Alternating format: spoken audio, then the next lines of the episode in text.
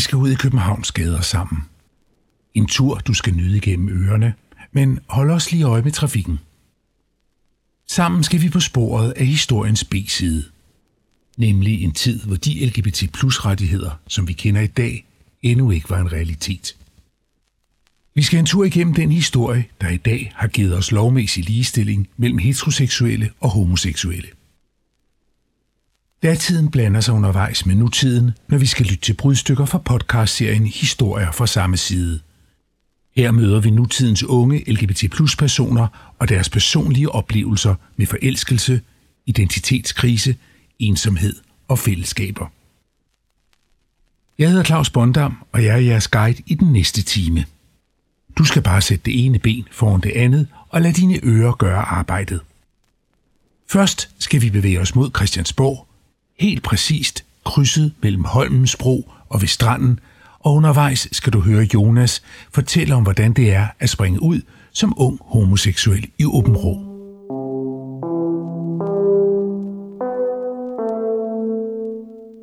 Jeg boede i en lille by, der hedder Havsted.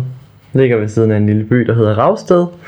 Meget langt ude, og øhm, der er ikke særlig mange mennesker, så der er ikke øh, den største diversitet og mangfoldighed. Det vil sige, når folk de møder en, der er lidt anderledes, så lægger de lidt mere mærke til det.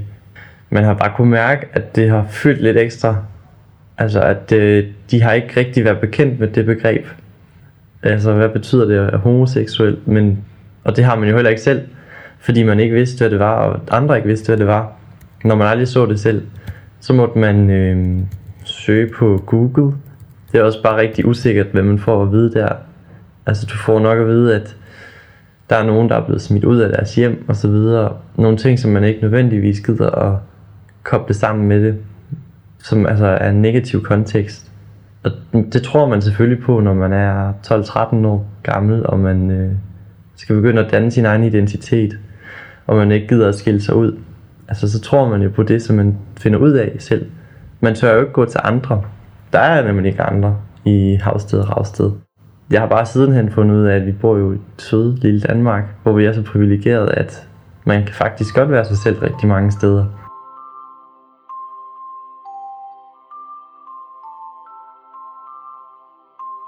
Jonas' oplevelse af, at samfundet accepterer hans homoseksualitet, kommer ikke bag på Peter Edelberg. Han er historiker og forsker inden for LGBT plus området. Jeg tror egentlig, at homoseksuelle i Danmark har det ret godt nogle af de videnskabelige landstækkende rapporter, vi har om homoseksuels forhold, viser, at øh, homoseksuelle øh, meget sjældent oplever diskrimination, øh, meget sjældent oplever øh, vold, øh, og, og generelt øh, skal vi sige, kan leve på den måde, de har lyst til at leve på, øh, uden særlig meget diskrimination eller chikane. Så mødes næsten hele skolen her om eftermiddagen efter sidste modul, tager lige en øl eller type, og så øh, hygger man sig bare der. Jeg har den samfundsfaglige linje, øhm, det vil sige samfundsfag A, og jeg tror vi skal ned her. Det er fucking dejligt. Det vil sige uh, samfundsfag A, engelsk A og matematik B. Vores elevrådslokale er en smule havet. Øhm, vi har holdt en elevrådsfest her for nyligt, som der nok godt kan ses. Altså, der er lidt i sofaen, og der er nogle stole, der er væltet, og jeg tror ikke rigtigt, vi har magtet at rydde op, sidst vi var her. Øhm, øh, og så er der en, øh, et skilt, hvor der står Well, the years start coming, and they don't stop coming. Jeg tror, det er et eller andet uh, YOLO noget. Jeg tror, vi skal leve livet. Jeg ved det ikke. På trods af, at det er blevet nemmere at være homoseksuel i Danmark sammenlignet med for 10 år siden, kan det stadig være svært at være anderledes. Det mærkede Jonas, da han gik i folkeskole.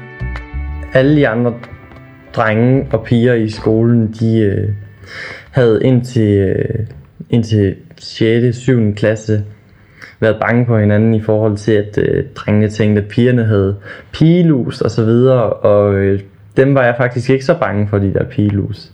hvor at øh, så begyndte vi at komme i 6. klasse, og øh, der begyndte drengene lige pludselig ikke at være bange for pigerne længere. De ville faktisk gerne være kærester med dem. Øh, og pigerne havde det også sådan med drengene. Men det var bare anderledes ved mig. Jeg ville hellere være sammen med drengene. Det ville de andre drenge ikke. Så der, der kunne jeg godt fornemme, at der var et eller andet, der ikke var helt øh, normalt. Fordi at når alle mine venner, de ville det, og jeg ville noget andet, så måtte det jo være et eller andet, der var galt med mig.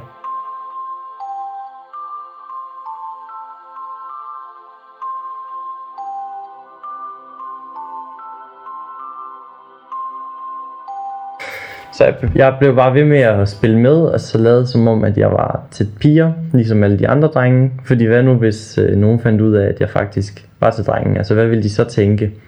Og det er jo, altså, man frygter jo, hvad andre ville tænke, når, når man er 13 år gammel. Man er lige øh, blevet teenager, og man, øh, man vil jo helst gerne bare være en del af, af majoriteten. Øhm, man er jo ikke stærk nok til at altså, stå op for sig selv. Men det blev jeg nødt til at være. Og øh, derfor så fortalte jeg det til min mor, at jeg var homoseksuel. Eller troede jeg var det i hvert fald. Nogle gange kender din nærmeste dig bedre, end du selv tror. Og det opdager Jonas, da han fortæller det til sin mor. Jeg kan huske, at min mor, hun, øh, hun havde hele tiden sagt, at det var faktisk okay, at jeg legede med Barbie-dukker og så videre.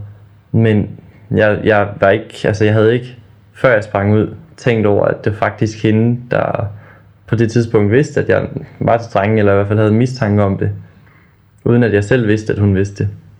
Så øhm, hun har hele tiden igennem sagt, at det var okay, bare meget indirekte. Øhm, hvor at jeg nok, altså fra min fars side, ikke rigtigt havde hørt det nogensinde. Så der var også lidt, det var lidt sværere at øh, skulle sige det til ham, fordi at han aldrig nogensinde havde givet udtryk for, hvad han mente om det.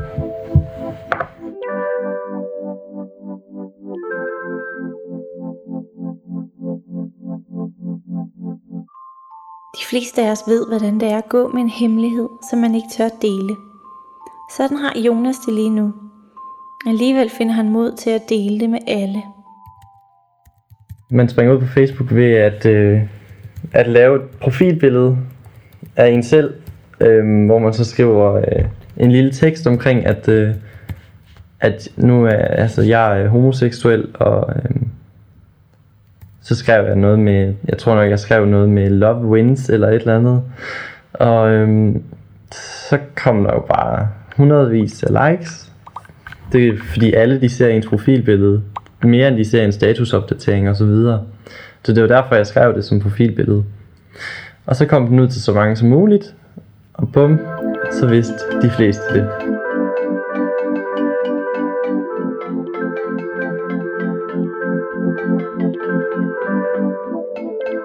Altså jeg var ikke bange, da jeg sprang ud, men, men øhm, jeg vidste, at det ville være en, øh, det ville være en game changer. Altså det ville ændre rigtig meget i ens liv. Fordi nu vil folk begynde på at se mig som meget mere end Jonas, eller meget mindre end Jonas. Altså, jeg var, jeg, nu var jeg jo homoseksuel i deres øjne. Jeg var ikke bare Jonas. Førhen der havde jeg bare været Jonas, der var heteroseksuel. Og nu kunne jeg godt mærke, at nu var jeg den homoseksuelle Jonas frem for. Øhm, og Altså det fyldte jo rigtig meget, at nu skal jeg lige pludselig dømmes rigtig meget på min seksualitet, og der var folk, der skrev til mig, øhm, som ville have hjælp, fordi at øh, de selv var 13, 14, 15 år, og jeg var selv 13, 14, 15 år, og jeg sprang ud i den alder. Og de, øh, de ville have hjælp til at, øh, til at springe ud, og det kunne jeg mærke, at det var faktisk et, øh, et stort problem, at der var rigtig mange jævnaldrende, som der ikke havde nogen, de kunne gå til. Øhm, fordi hvis jeg ikke kunne have hjulpet dem, så ville de jo stå i samme situation som mig, og tænke, åh nej, verden hader mig.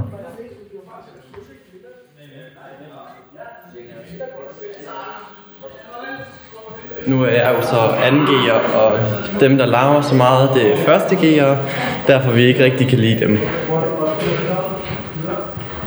Og det skal vi for eksempel vise på caféen her på fredag, øhm, hvor at alle første G'er, de skal have noget grimt tøj på, og øhm, alle os andre, vi skal så selvfølgelig vise, hvor flotte vi kan være i modsætning til dem.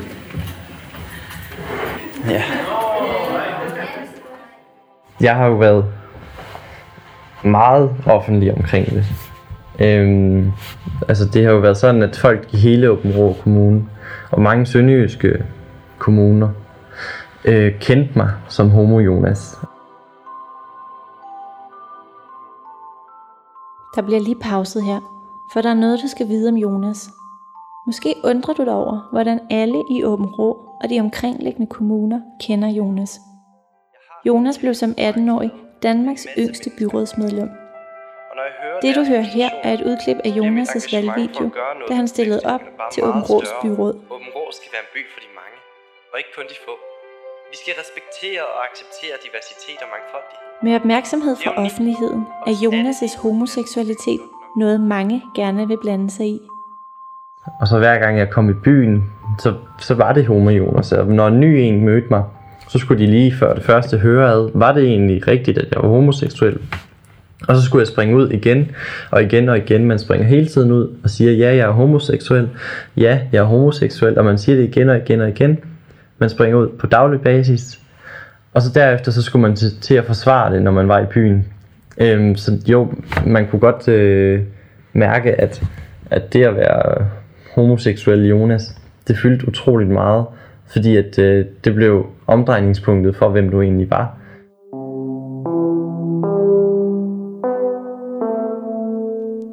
Første stop. Christiansborg, krydset ved stranden og Holmens Bro. Afkriminalisering af homoseksualitet 1933. Historisk set er det mest nærliggende at starte processen hen mod total lovmæssig ligestilling imellem heteroseksuelle og homoseksuelle tilbage i 1933. I 1933 bliver homoseksuelle handlinger afkriminaliseret i Danmark. Det er ikke længere kriminelt, at en mand har sex med en mand, eller en kvinde har sex med en kvinde. Det danner grundlag for, at man kan være åben omkring sin seksualitet.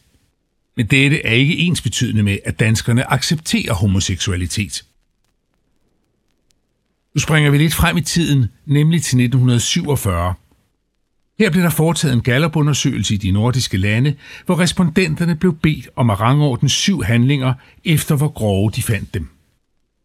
For Danmark blev resultatet at 61 procent placerede homoseksualitet på første eller anden pladsen på listen over handlinger som mor, voldtægt mod voksen kvinde, indbrud, promillekørsel og en række andre deciderede forbrydelser. På det tidspunkt har homoseksualitet ikke været en forbrydelse i 17 år. Alligevel afslører undersøgelsen, at der er en dyb kløft mellem den danske lovgivning og danskernes holdning til homoseksualitet. Næste stop er ved Knaprostræde. På vej derhen skal du høre en historie fortalt af 18-årige Isabella fra Sønderjylland. Hun har forelsket sig i Emma. Alle ved, at Emma er lesbisk. Isabella er stadig ved at finde ud af sin egen seksualitet, indtil hendes mor spørger hende direkte. Jamen, i forbindelse med, at øh, Emma og jeg har været sammen med hende efter skole og i weekenden og sådan nogle ting, så har vi også været hjemme med mig, min kurso. Og øh, min mor har også hentet mig i Hjortkær et par gange og spurgt sådan, mm, hvad nu og sådan nogle ting. Øh, og så tror jeg, vi var på vej til Sønderborg en eller anden dag, mega random. Og vi sad og snakkede lidt om det, og så spurgte min mor sådan bare lige pludselig ud af det blå. Jamen altså, er du også til piger, eller hvordan nu siger jeg? Så jeg har det egentlig bare sådan, at øh, jeg følger mit hjerte, og hvis det er en fyr, så er det sådan der, og hvis det er en pige, så er det sådan der. Så må jeg jo bare affinde mig med det. Øh, og så er hun sådan, nej, men altså, man ved jo aldrig. Du skal måske sådan til at sige det til din far og til din lille søster. Øh, og jeg var sådan, ja, men det var ikke så rart, vel? Også fordi, at jeg vidste, min far var en, sådan, min far var meget gammeldags opdraget. Så derfor har jeg været meget usikker på at skulle fortælle ham om det, og jeg vidste ikke helt, hvordan jeg skulle gøre det, for at det ligesom var sådan klart nok, og hvor meget behøvede jeg at sige til ham. Men så valgte jeg så nytårsaften øh, at sige, at sige det til min lille søster først. Hun er 12, så hun er ikke så gammel. Øh, hun begyndte faktisk at græde, fordi nu var hun sådan, så ville hun blive drillet med, at hun havde en homoseksuel søster og sådan nogle ting. Så var sådan, nej. Øh, jeg var sådan rolig nu. Altså, jeg er jo stadig mig selv. Jeg er jo stadig den, jeg altid har været. Nu ved du bare sandheden, i stedet for, at jeg går og holder på noget.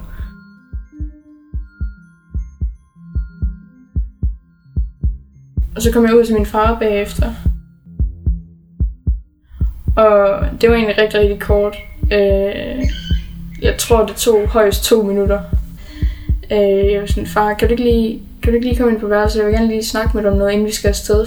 Øh, og mit hjerte, det hamrede bare helt vildt, kan jeg huske. Og jeg var mega nervøs. Øh, og jeg vidste ikke, hvad jeg ville sige nu. Så jeg gik bare og tænkte, okay, hvordan siger jeg det? Og hvordan skal jeg lige forholde mig til det? Og så sagde jeg egentlig bare, altså, men jeg ved ikke, har du, om du har lagt mærke til, at øh, du ved sådan MRI og sådan nogle ting, siger jeg bare. Altså, jeg ved ikke, om du har lagt mærke til, at MRI er sådan lidt mere end bare venner. Sådan sådan, okay. og så var jeg sådan, øh, om det kun kommer til at være piger i fremtiden, det ved jeg ikke. Øh, men det er sådan, det er lige nu. Og så var han sådan, okay, men så ved jeg det. Så var jeg sådan, det er godt. Og så gik han, og så var jeg sådan, okay.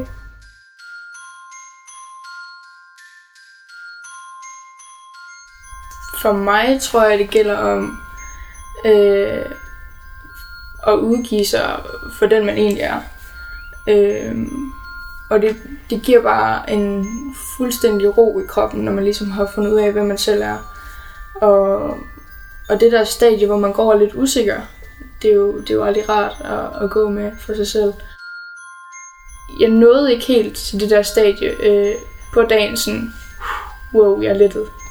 Øh, for jeg tror egentlig stadig, det sidder jo stadig i kroppen, og adrenalinen og det hele kører stadig rundt.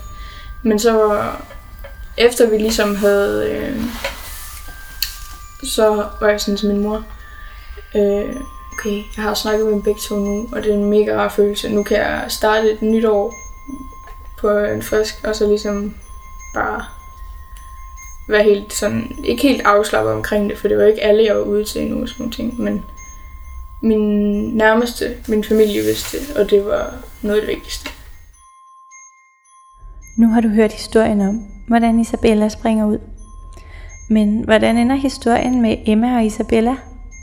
Fanden i voldske Emma og forsigtige Isabella. Øh, og så spurgte jeg hende sådan på det tidspunkt, hvor hun sov hjemme, og hun ikke kunne nusse mig, så faldt jeg i søvn, fordi hun lå og nussede mig.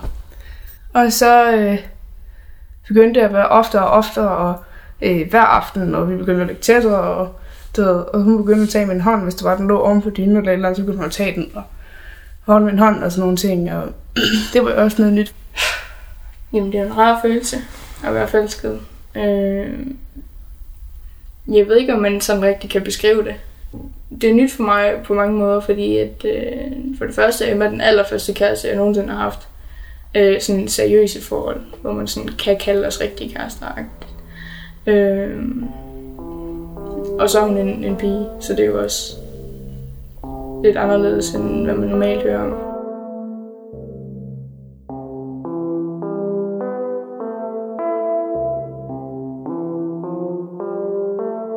Hun er forholds, Emma er forholdsvis høj. Så hun langt lyst hår, sådan lidt ned foran det ene øje, kan man godt sige. Og så har hun blå øjne. Store blå øjne. Jeg ved ikke rigtig, hvordan jeg skal beskrive hendes tøj, men øh, det er måske lidt mere maskulin, end hvad man som kvinde normalt vil gå med, men ja. Yeah. Og så har hun, nu har hun lige fået lavet, så hun har 19 tatoveringer nu, på, fordelt på begge arme.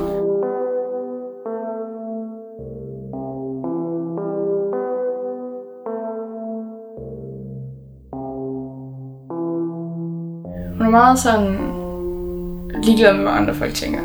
Øh, går meget ind for det der med, at man skal være sig selv og stå frem som den person, man er, og ikke sådan holde igen på noget.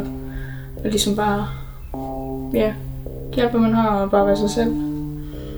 Jamen, det er faktisk meget fordi, at jeg, jeg er rimelig meget modsat. Jeg synes selv, jeg er rimelig usikker på alting. Øh, jeg er overtænkeren over dem alle. Og jeg var meget spontan.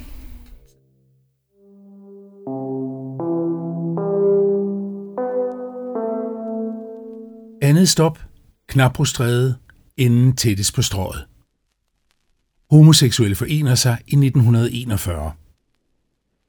Så står vi tæt ved strået. Lige rundt om hjørnet ligger LGBT Danmark, Landsforeningen for bøsser, lesbiske, biseksuelle og transpersoner. Foreningen blev oprettet i 1948. I første omgang er foreningen stiftet af mænd, men inkluderer også kvinder. Med årene er det blevet en forening, der bredt favner alle kønsidentiteter, såsom biseksuelle og transpersoner. Foreningen begynder i 1949 at udgive et blad kaldet Vinden. Gennem dette blad kan de kommunikere med homoseksuelle i hele landet. I det første nummer af bladet skriver redaktøren Helmer Fodegård. Mange vil sikkert gøre store øjne, når de ser dette tidsskrift. De meget forsigtige spørger måske endda, om det virkelig kan gå an. Ja, selvfølgelig kan det gå an. Grundloven giver os trykkefrihed. Vi er her, og vi bliver her. Vi nægter at indrømme, at vi er syge. Vi er ikke syge overhovedet. Der er ikke noget galt med os. Og hvis der er noget, der er noget galt, ja, så er det de såkaldte normale. Det er normen, det er samfundet, der har et problem. Det er ikke os, der har et problem. Det er en fri bearbejdning af hans citat, men pointen forbliver den samme. Foreningen har altså en stærk selvfølelse, en stærk overbevisning og selvsikkerhed i forhold til tidligere homoseksuelle bevægelser. De næste 20 år vejer holdningen til homoseksuelle i samfundet utrolig meget frem og tilbage. Det er under tiden utrolig problematisk at udleve sin homoseksualitet. Lesbiske oplever det ganske anderledes. De bliver ikke nævnt i pressen og føler sig ignoreret og usynliggjort. Nu skal vi høre et lille stykke musik, mens vi går mod Storkespringvandet. Det er en sang sunget af Bent Jacobsen, Hvordan kan du vide, fra 1975. Sangen udkom på et tidspunkt, hvor danskerne faktisk var begyndt at få et mere afslappet forhold til homoseksuelle. Hvordan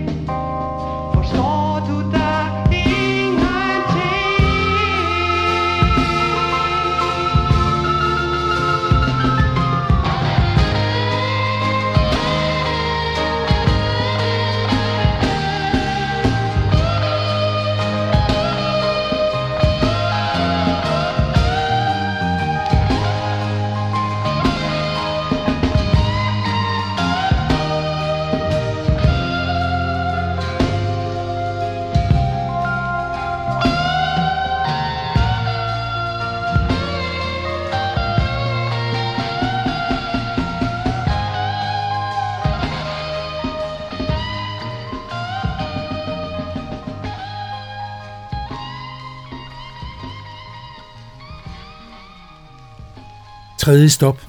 Storkespringvandet. Retten til børn. Vi står og ser over på Storkespringvandet. Selvom flere måske har prøvet at bilde dig ind, at det er storken, der kommer med børnene, kan jeg afsløre, at det ikke er helt så let. Men for bøsser og lesbiske har lovgivningen alligevel gjort det meget lettere at forfølge ønsket om at få børn. I 2006 kunne lesbiske par og enlige mødre lade sig inseminere under samme vilkår som kvinder i heteroseksuelle parforhold. I 2009 blev det vedtaget, at homoseksuelle par kan adoptere. Kvantitativt fylder de nye familieformer ikke meget i statistikkerne, men det har skubbet til samfundets forståelse af, hvad en familie er.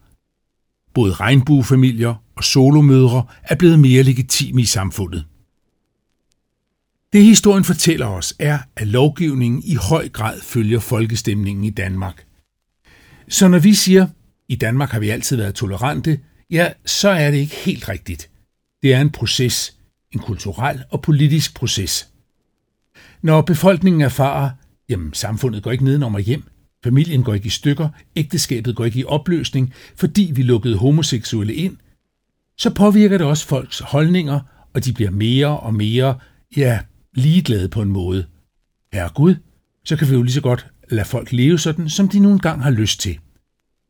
I de seneste 10 år har homoseksualitet i massiv grad været en del af populærkulturen, blandt andet igennem film, serier og litteratur. Det er noget, der i den grad er med til at normalisere det.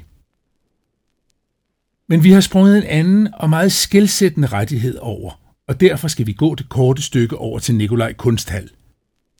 På vej derhen skal vi høre 18-årige Emma fortælle. Emma er den pige, Isabella har forelsket sig i. Isabella hørte vi fortælle tidligere. Emma er i gang med at forlade sin 19. tatovering. Den allerførste fik hun, da hun var 17 år. Det er en tegning af to piger på hendes højre underarm. De to piger er smeltet sammen i et kys, og når folk spørger hende, hvorfor hun har den, siger hun, det er fordi jeg er til piger. Her fortæller hun, hvorfor hun gerne vil tydeliggøre sin seksualitet i den grad.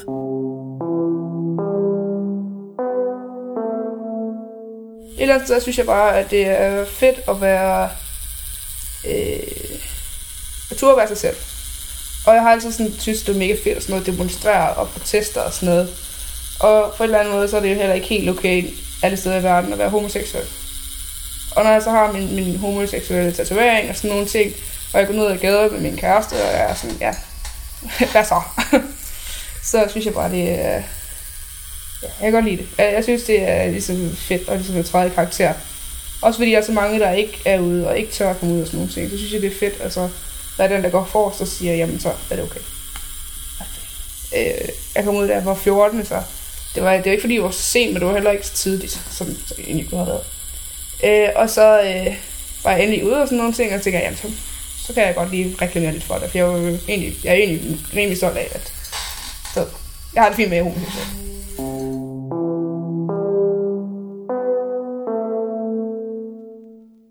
Fjerde stop. Nikolaj Kunsthal. Retten til ægteskab. Nu står vi foran Nikolaj Kirke, en historisk bygning, der stammer helt tilbage fra 1200-tallet. Bygningen er en kulturinstitution i dag og har ikke været en kirke siden en enorm brand i 1795. Alligevel står vi her for at tale om ægteskaber. I 1989 indførte Danmark som det første land i verden det registrerede partnerskab for samkønnede. Homoseksuelle par kunne altså blive videt på rådhuset. På tre hovedpunkter blev der dog gjort undtagelser i forhold til et almindeligt ægteskab. Man kunne ikke adoptere børn, man kunne ikke blive insemineret, og man kunne ikke blive gift i en kirke. I 2012 vedtog kirkeminister Manu Saren og et flertal i folkekirken, at samkønnede par kunne blive gift i kirken. I kan måske huske debatten, for selvom flertallet af præster og biskopper gik ind for lovændringen, var der et meget højt råbende mindretal, som absolut ikke gik ind for det. 2012 bliver et ret afgørende år, altså året, hvor kirkelige hvilelser mellem samkønnede blev lovligt. 2012 er nemlig året, hvor der ikke er mere diskrimination i loven imellem homoseksuelle og heteroseksuelle. Man er blevet ligestillet i straffeloven, man er blevet ligestillet i forhold til ægteskab, man er blevet ligestillet i forhold til insemination. Der er simpelthen ikke mere, hvor homoseksuelle kan komme og sige, jamen vi er diskrimineret i loven. Dermed ikke sagt, at LGBT plus personer ikke møder udfordringer og modstand i dagens Danmark. Nu skal vi høre et uddrag fra et podcast-afsnit om André. André gennemgår lige nu en udvikling af sin egen kønsopfattelse. Den historie skal vi høre, mens vi sammen bevæger os tilbage mod Nyhavn 26 og Liva.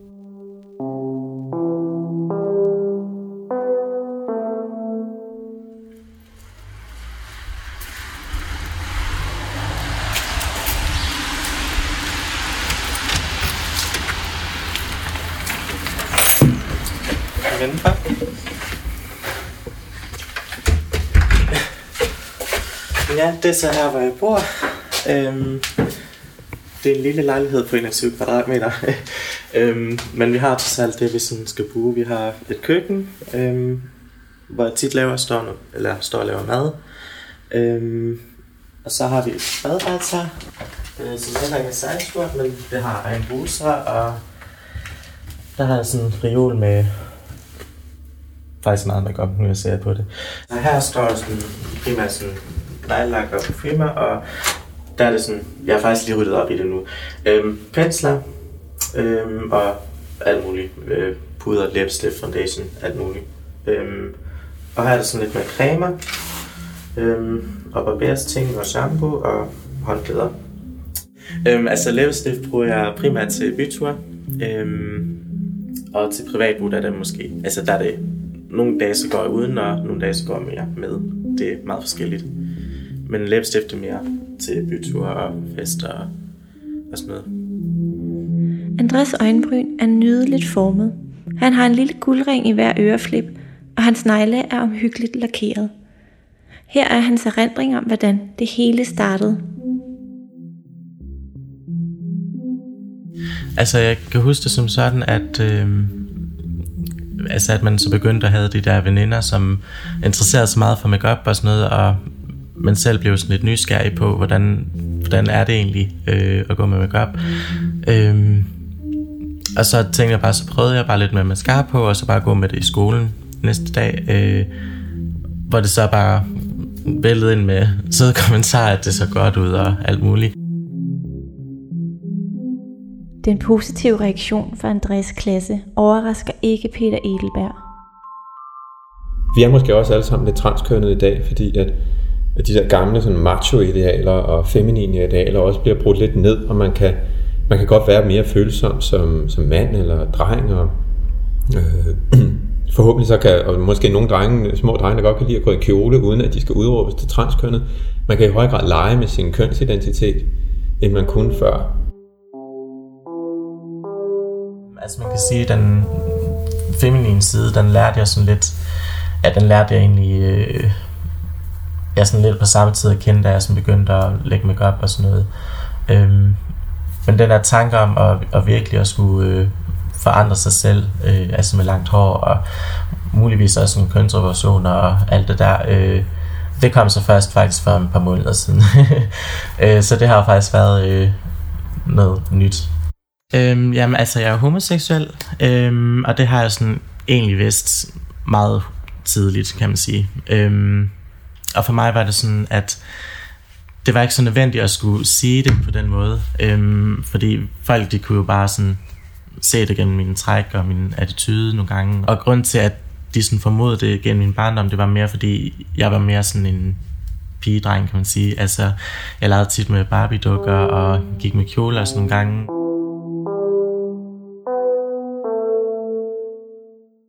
André har altid vidst, at han var anderledes end de andre drenge. Men hvordan føles det, når det bliver sagt højt? Han husker tydeligt første gang, det blev fortalt i hans klasse, at han var til drenge. Det var som sagt bare sådan crush på en kort periode, men øhm, ja, det gjorde lidt ondt. Mig og så tre andre veninder, øh, hvor to af dem de var virkelig tætte, og altså dem kunne jeg fortælle alt om. Og så var der den her tredje pige, som øhm, hvor jeg så troede, at hun kunne være lige sådan. Så næste dag, så var det faktisk sådan, at hun fortalte til den fyr, jeg havde et crush på.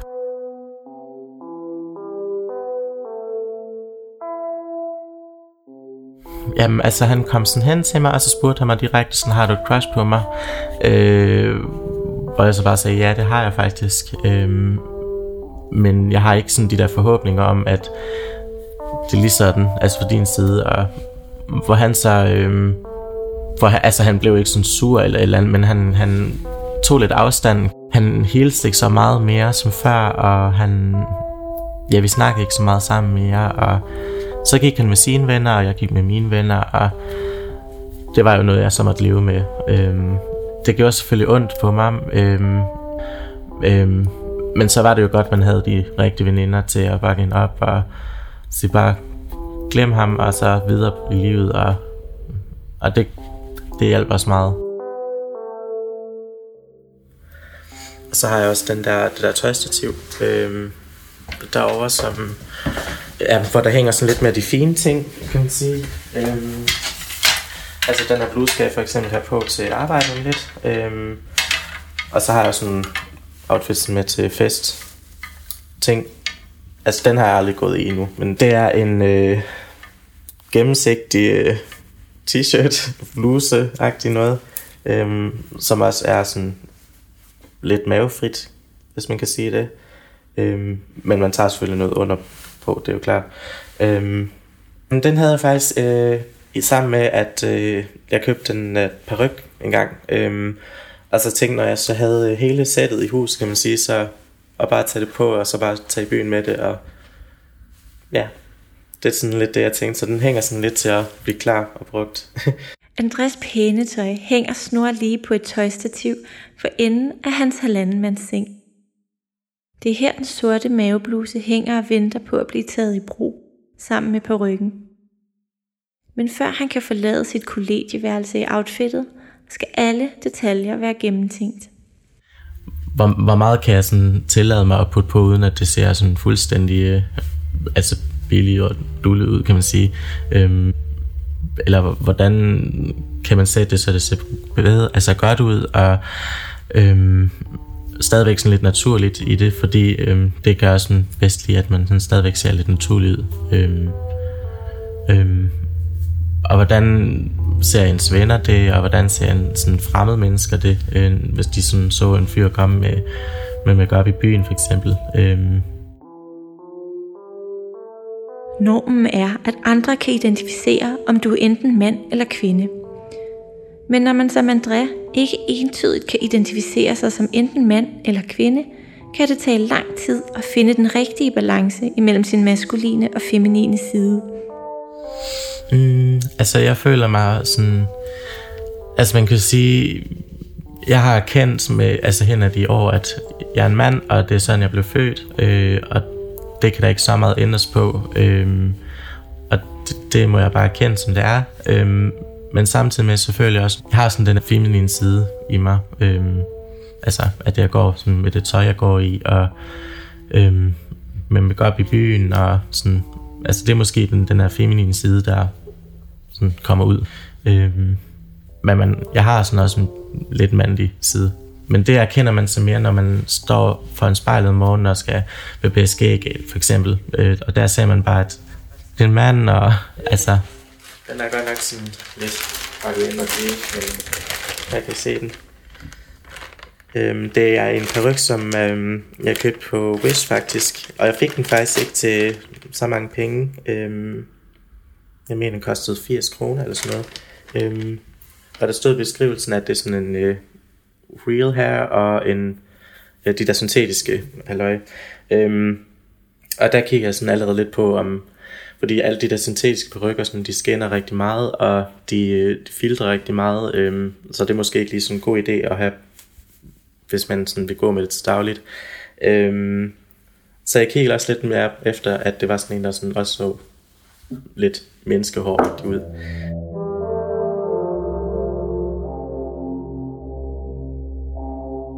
handler mere sådan om at gå fra en dreng til en pige bare udvendigt.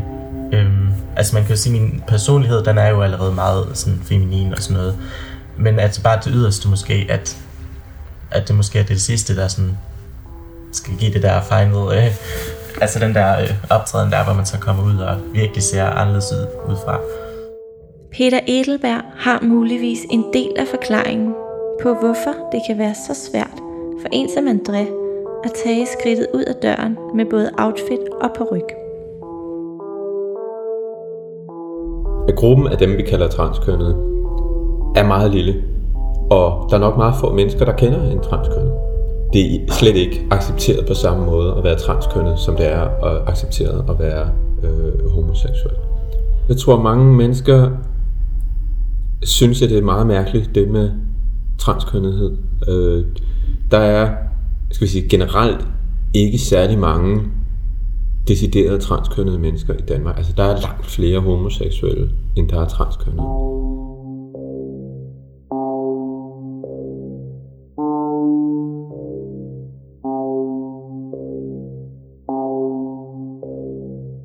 André tog en beslutning om, at han ikke ville gå alene med sine tanker om muligvis at skifte køn. Og han var ikke i tvivl om, hvem han skulle ringe til først. Øhm, men så da man så virkelig skulle ringe hjem for første gang, og så bare sige, jeg har lige noget, jeg skal fortælle jer, og sådan noget. Øhm, og da jeg så fortalte det, der var der sådan en stillhed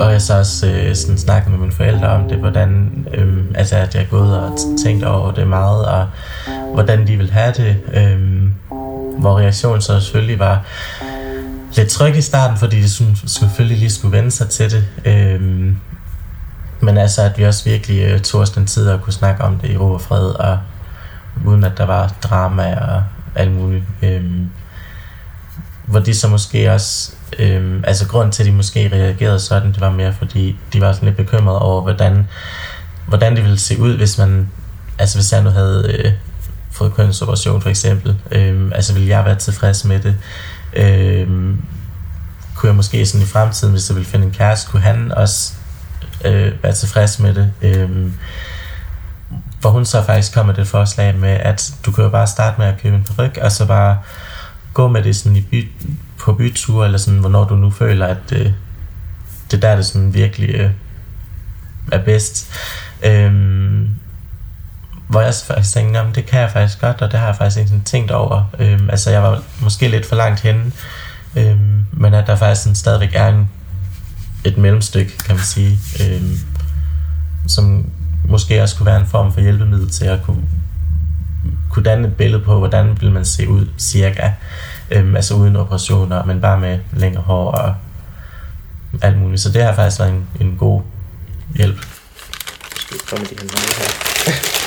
øhm, det er en øhm, peruk, som er sådan lidt pagehår noget, og det er en, der øhm, jeg er mørk i rødderne, og så bliver den øh, sådan kastanjebrun, tror jeg det er, øh, nede for enderne. Øhm, og man kan også bare mærke, at at det ikke er kun det der syntetiske, men også at det er lidt menneskeligt. Øhm, og det heller ikke skinner så meget.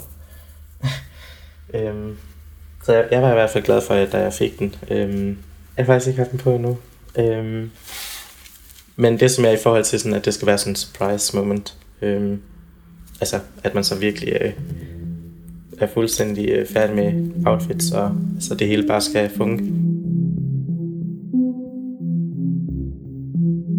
Altså alle de der ting, det er måske sådan nogle små puslebrikker, man sådan efterhånden lægger sammen til et stort billede, og så bliver det bare sådan et overvældende øjeblik.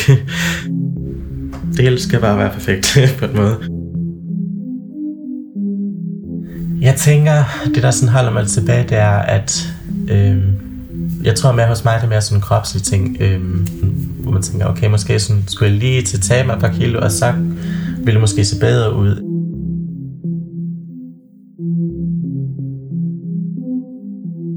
Mens André går og venter på det perfekte øjeblik, går han og drømmer. Han drømmer om øjeblikket, når han træder ud som kvinde. Hvordan vil det udspille sig? Og hvordan vil det blive modtaget af andre? Man, man har jo det der billede af, hvor man sådan...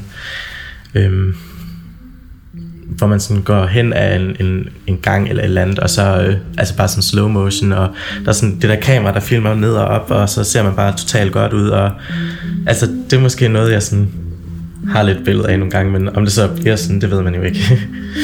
Øh, men det er så igen bare ens fantasi nogle gange, som, som spiller lidt med.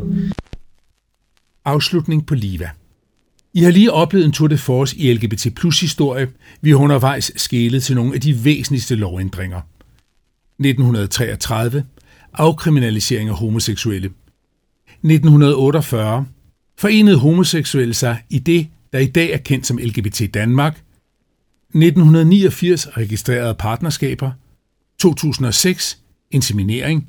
2009 adoption. 2012 kirkelige hvielser. Hvis du vil have mere historie, har LGBT Danmark en glimrende historisk gennemgang på deres hjemmeside. Og hvis du er interesseret i at høre podcast-afsnittene med Jonas, André, Emma og Isabella i deres fulde længde, så finder du dem på hjemmesiden levendemenneskerettigheder.dk. Tak fordi I gik med.